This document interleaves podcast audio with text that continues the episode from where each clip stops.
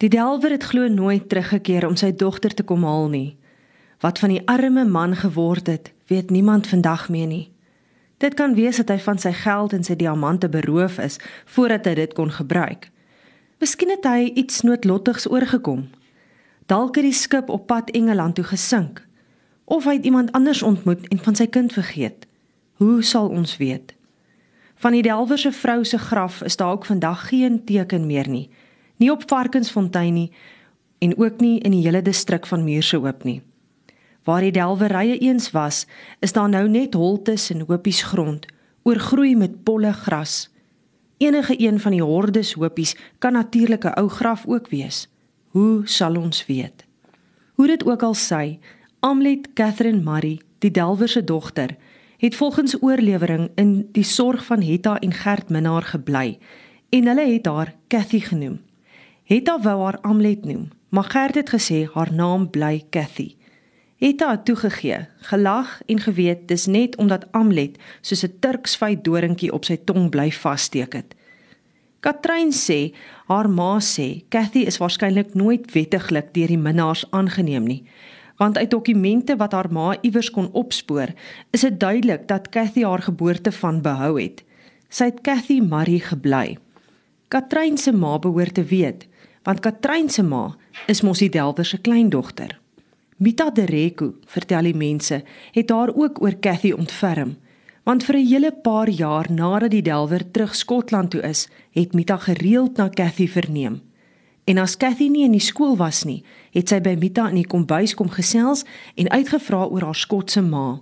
Mita het glo een keer per week ingekom om vir Hetta die week se strykwerk te kom doen.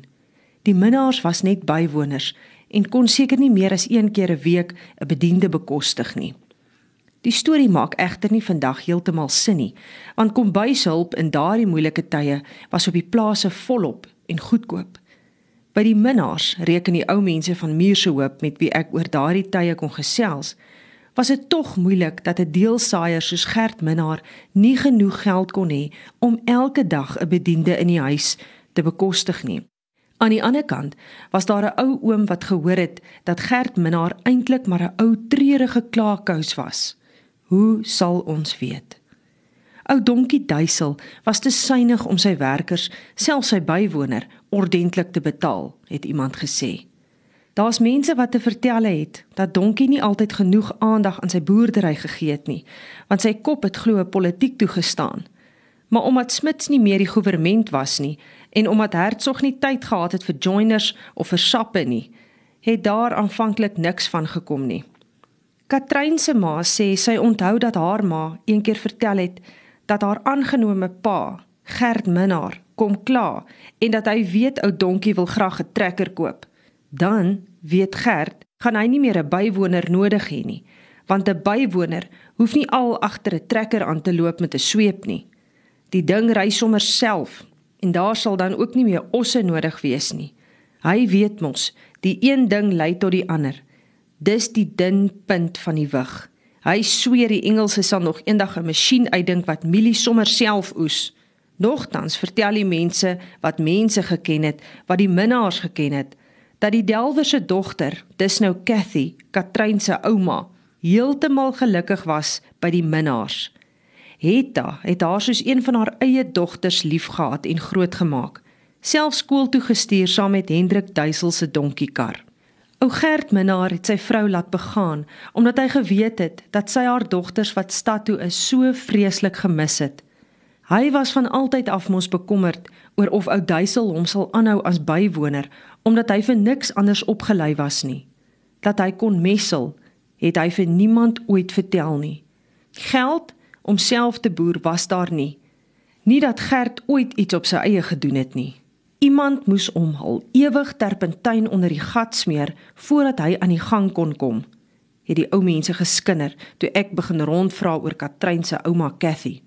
Die mense van Muurshoop het meer van die minnaars onthou as wat hulle van die Marries onthou het. Maar selfs dit het ek agtergekom was ook maar eintlik meer op hoor sê as op kennis gegrond. Dit het goed met klein Cathy gegaan en sy was maar net een van die kinders van Muurshoop.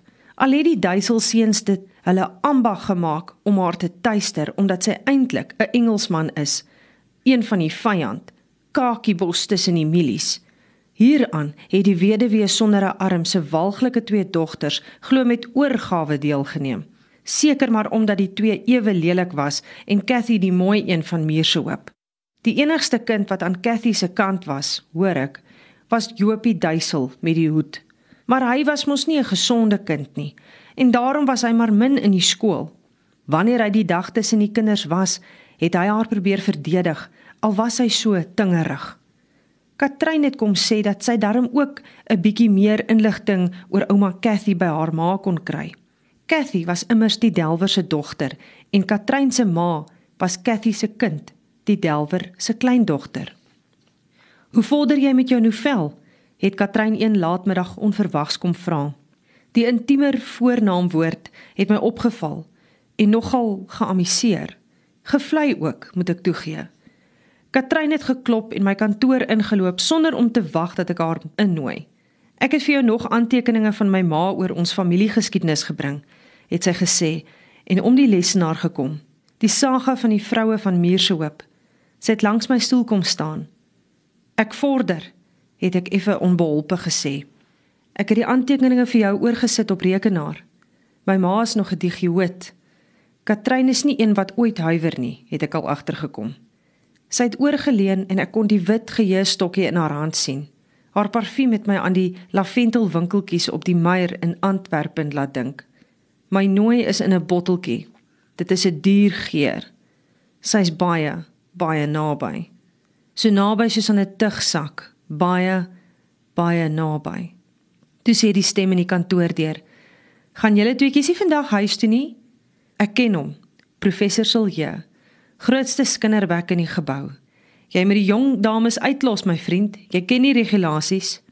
Toe sy weg. En dit? vra Katrein. Grootste skinderbek op die kampus, antwoord ek. O. En sy prop die geheustokkie in die rekenaar, leun oor my skouer, raak aan my.